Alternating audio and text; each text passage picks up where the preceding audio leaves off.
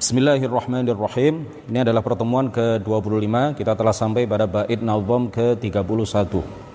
Qala al-muallifu rahimahullahu taala wa nafa'ana bihi wa bi'ulumihi wa amaddana bi amdadihi wa afadha alaina min barakatihi amin. Hayyun alimun qadirun muridu sami' basirun ma yasha yuridu mutkallimun thumma sifatu dzati laysat bi ghairi au bi aini dzati hayyun Ini bait nazom ke-31 dan ke-32 ini menjelaskan kepada kita mengenai sifat sifat ma'nawiyah. Menurut sebagian ulama mutaakhirin dari golongan Asy'ariyah. Begitu juga sebagian ulama mutaqaddimin ulama yang datang di awal-awal dari kalangan golongan Asy'ariyah seperti Al-Baqillani dan para ulama yang pendapatnya sesuai dengan mereka menyatakan bahwa Allah Subhanahu wa taala memiliki sifat-sifat ma'nawiyah memiliki sifat-sifat ma'nawiyah. Jadi ini adalah kelompok sifat Allah yang keempat. Sebelumnya ada sifat nafsiyah. Sebelumnya ada sifat nafsiyah, ada sifat salbiyah, kemudian ada sifat ma'ani. Kemudian yang jumlahnya 13. Kemudian menurut sebagian ulama mutaakhiri al-asy'ariyah dan juga menurut sebagian ulama mutaqaddimin dari kalangan Asy'ariyah atau Asy'ariyah seperti Al-Baqillani dan lain-lain mereka berpendapat ada tambahan tujuh sifat lagi. Tujuh sifat yang wajib bagi Allah Subhanahu wa taala. Ya tujuh sifat yang pasti tetap pada zat Allah Subhanahu wa taala yang disebut sebagai sifat ma'nawiyah yang disebut sebagai sifat apa? ma'nawiyah. Tetapi menurut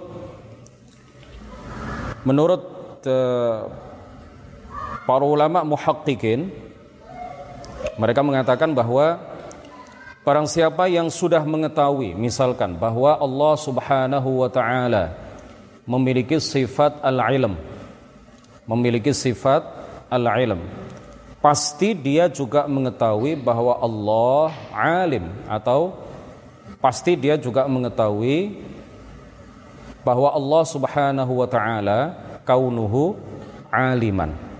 Kaunuhu aliman. Jadi kalau orang itu sudah mengetahui bahwa Allah memiliki sifat ilm, pasti dia akan juga dapat menyimpulkan dan mengetahui bahwa Allah alim atau Allah kaunuhu aliman. Jadi tidak perlu lagi ditambahkan tujuh sifat ma'nawiyah.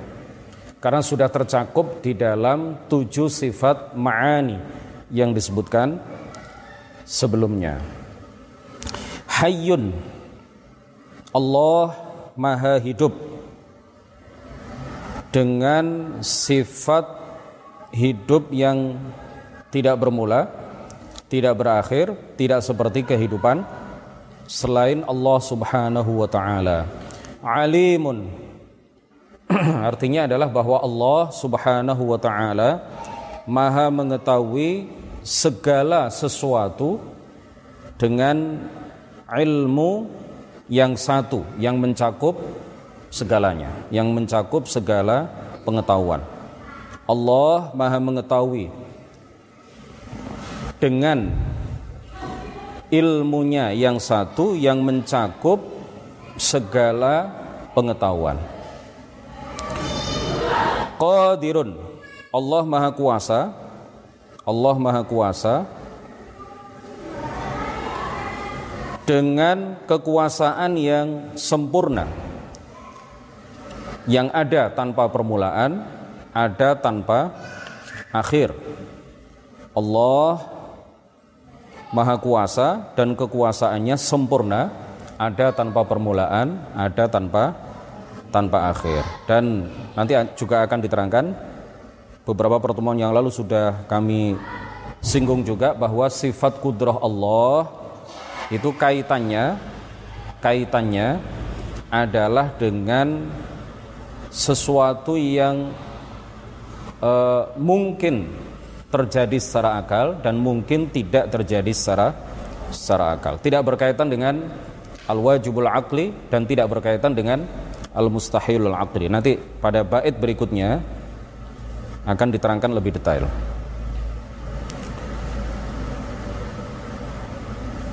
Muridu Hayyun alimun qadirun muridu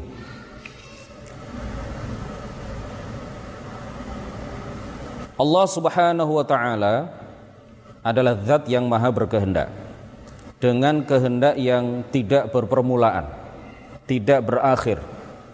Dengannya Allah Subhanahu wa taala mentaksis mentaksis sesuatu yang mungkin terjadi secara akal dan mungkin tidak terjadi secara akal ya, mentaksis dengan apa? Mentaksis dengan sebagian apa yang mungkin berlaku baginya. Ya, mentaksis dengan sebagian dari apa yang mungkin berlaku baginya, tidak dengan sesuatu yang lain. Nah, ini juga sudah kita terangkan pada pertemuan-pertemuan sebelumnya. Kemudian Pengarang kitab ini mengatakan sami' basirun ma yasha yuridu. Ya, sami' ini asalnya adalah sami'un. Sami'un. Kemudian yaknya dihilangkan oleh pengarang nazam ini li daruratil wazn. Ya. Li darurat al wazn. Ini dikritik oleh sebagian pensyarah kitab Jauharut Tauhid Ya, mestinya nama Allah Subhanahu wa taala walaupun karena darurat wazan, walaupun karena menyesuaikan dengan pola wazan, tetapi mestinya janganlah sampai mengubah-ubah nama Allah Subhanahu wa taala. Jangan sampai kemudian sami' dibuat menjadi sami' karena ingin menyesuaikan, mencocokkan dengan pola wazan ya pola wazan pola nazam. Makanya di sebagian kitab syarah Jauharut Tauhid sebagian pensyarah mengatakan lebih baik ya. Wal ahsan wal aula mura'atul kamal fismillahi ta'ala qabla mura'atil wazn bima yajma'u bainal amrayn. Jadi yang yang paling baik bukan hanya lebih baik, yang paling baik mestinya adalah apa? Mura'atul kamal Bismillahi ta'ala. Menjaga kesempurnaan pada nama Allah subhanahu wa ta'ala Itu yang harus didahulukan sebelum menjaga pola wazan ya, Sebelum menjaga pola wazan. Jadi yang harus didahulukan adalah menjaga kesempurnaan di dalam nama atau sifat Allah Subhanahu wa taala sebelum menjaga dan mengindahkan uh, pola nazam atau pola pola wazan. Makanya kemudian disebutkan seandainya penazam atau pengarang nazam ini mengatakan Hayyun alimun rabbuna qadiru sya'in sami'un lil wara basiru sebagai ganti dari perkataannya hayyun alimun qadirun muridu sami' basirun ma yasha yuridu akan lebih baik. Jadi alangkah lebih baik apabila nazam yang disebutkan di dalam kitab Jauharut Tauhid ya yang mengganti sami' dengan sami' ini diganti diganti baitnya dengan mengatakan hayyun alimun rabbuna qadiru sya'in sami'un lil wara basiru. Ya. Ini lebih baik ya karena tidak mengubah sama sekali nama Allah Subhanahu wa taala. Sami'un menjadi sami' sami' artinya Allah Subhanahu wa taala Maha mendengar. Allah Subhanahu wa taala Maha mendengar dengan pendengarannya yang azali segala sesuatu yang didengar.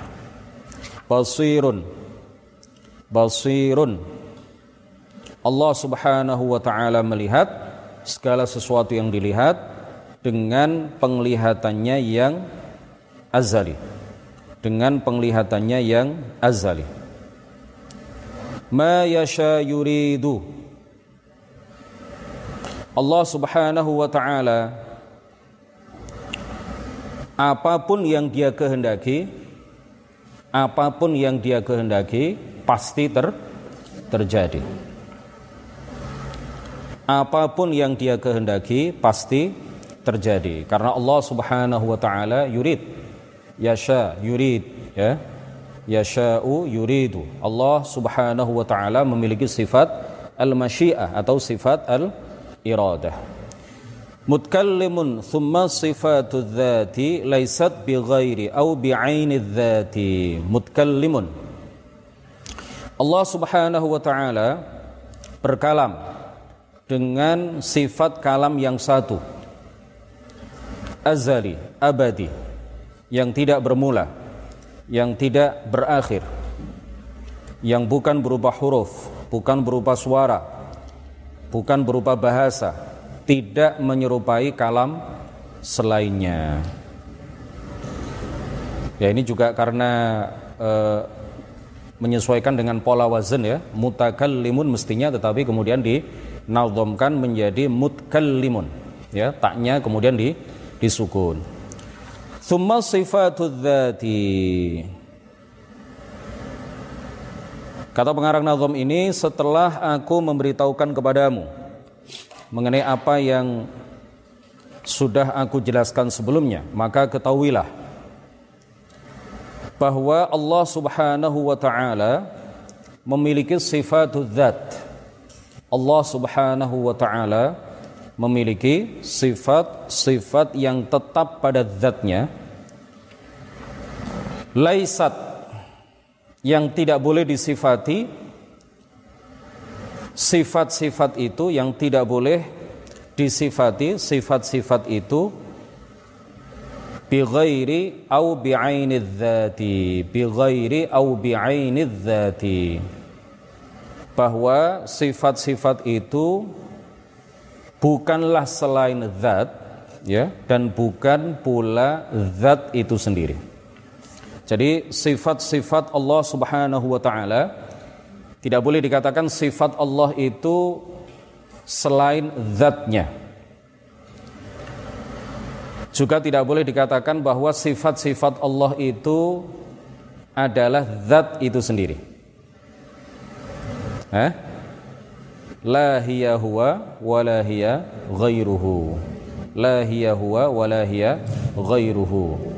Jadi sifat-sifat Allah Subhanahu wa taala la hiya huwa. Bukanlah selain zat. Wala hiya ghairuhu. Eh, bukanlah zat itu sendiri, wala hiya ghairuhu dan juga bukan selain selain zat. Jadi pendekatannya begini. Ini sebagai sebuah pendekatan ya, bukan bukan menyamakan antara Allah Subhanahu wa taala dengan makhluk. Kalau saya berhitung mulai bilangan 1 sampai 10. 1, 2, 3, 4 sampai 10. Kemudian saya mengatakan bilangan 2, bilangan 3, bilangan 4 itu bukanlah 10. Bukanlah 10, jelas kan? Kan bukan 10. Tetapi juga bukan selain 10 tetapi juga bukan selain selain 10. Karena deretan angka dari 1 sampai 10 tanpa 2 3 itu tidak akan menjadi 10. Jadi bilangan 2 3 4 5 6 itu bukan 10. Bukan 10, ya kan? Tetapi juga bukan selain bukan selain 10. Nah, kalau di makhluk saja ada seperti ini, ya, ada seperti ini. Ini sebagai sebuah pendekatan apalagi kaitannya dengan Allah Subhanahu wa taala. Jadi ini tadi kan masuk akal kan? 2, 3, 4, 5 itu bukan 10. Bukan 10. Tetapi juga bukan selain bukan selain 10. Nah, sifat-sifat Allah Subhanahu wa taala ini nggak sama dengan dengan bilangan 10 tadi ya, nggak nggak nggak nggak ada kesamaan sama sekali. Nah, para ulama mengatakan bahwa sifat-sifat Allah Subhanahu wa taala itu bukan zat itu sendiri tetapi juga bukan selain bukan selain apa? Bukan selain zat. Baik, lanjut.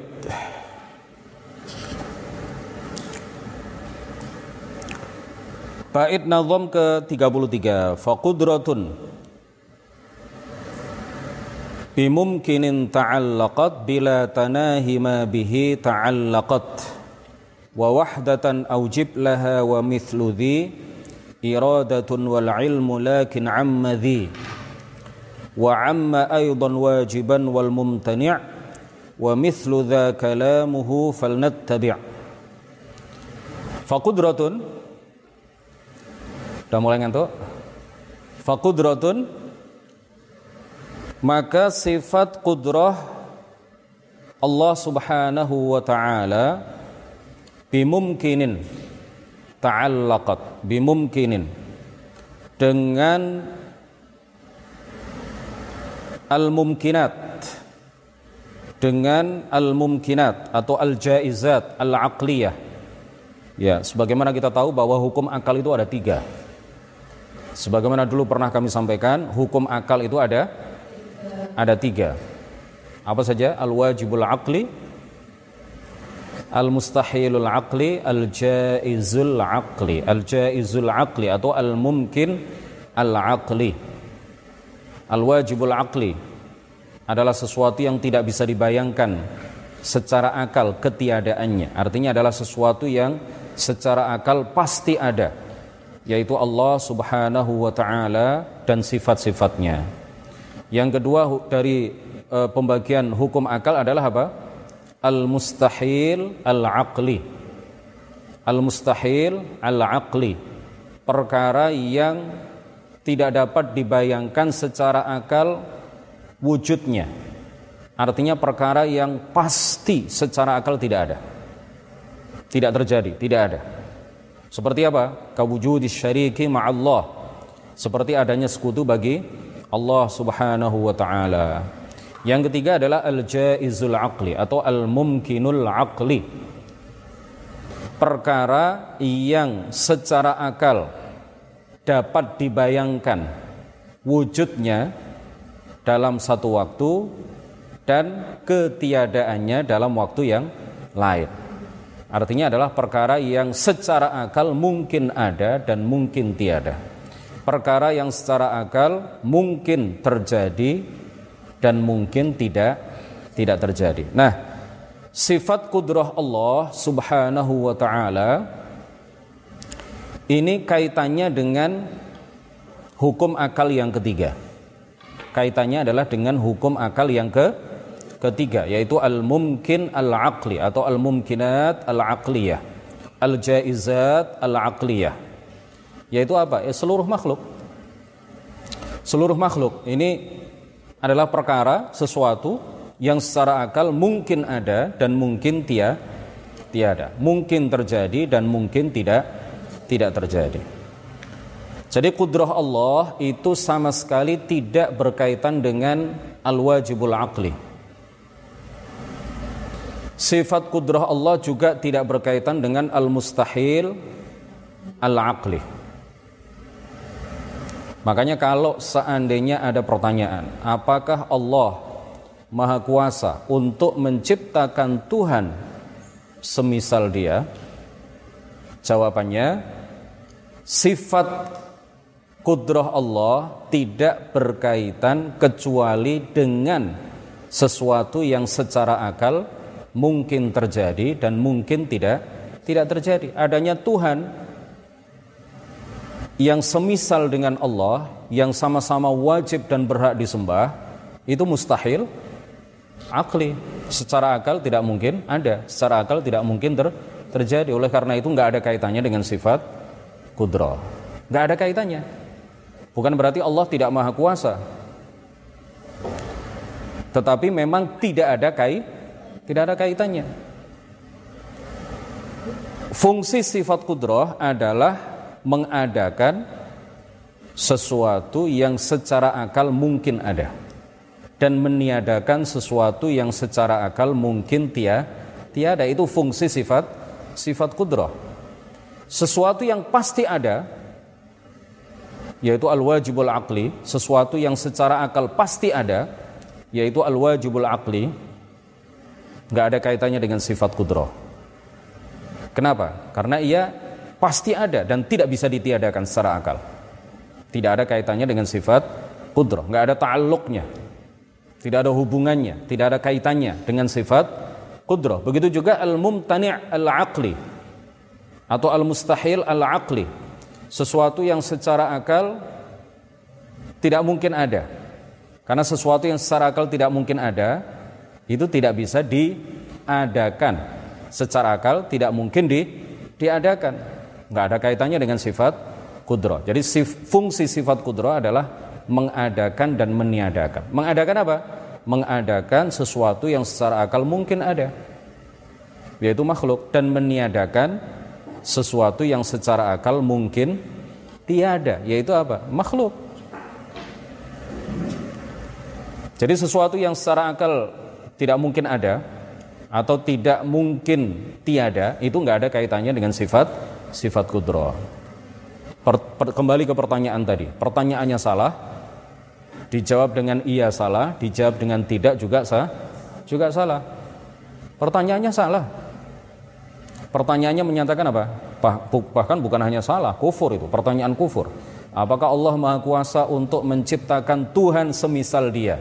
Ini pertanyaan kufur. Dijawab dengan iya, kufur. Karena jawaban iya itu artinya menyatakan bahwa bahwa mungkin saja ada Tuhan yang semisal dengan Allah Subhanahu wa taala dan ini tidak mungkin. Dijawab dengan tidak juga salah, kufur bahkan. Kenapa? Karena jawaban tidak itu artinya menyatakan bahwa Allah Subhanahu wa taala tidak maha kuasa. Jawaban yang benar sifat kudrah Allah, sifat maha kuasa Allah tidak berkaitan kecuali dengan sesuatu yang mungkin ada secara akal dan mungkin tiada secara akal. Fungsi mata kita itu apa? Untuk apa? Melihat. Bukan berarti mata kita kalau nggak bisa mendengar, artinya mata kita buta, enggak. Karena memang nggak ada kaitannya. Nggak ada kaitannya antara sifat mendengar dengan mata itu ada kaitannya nggak?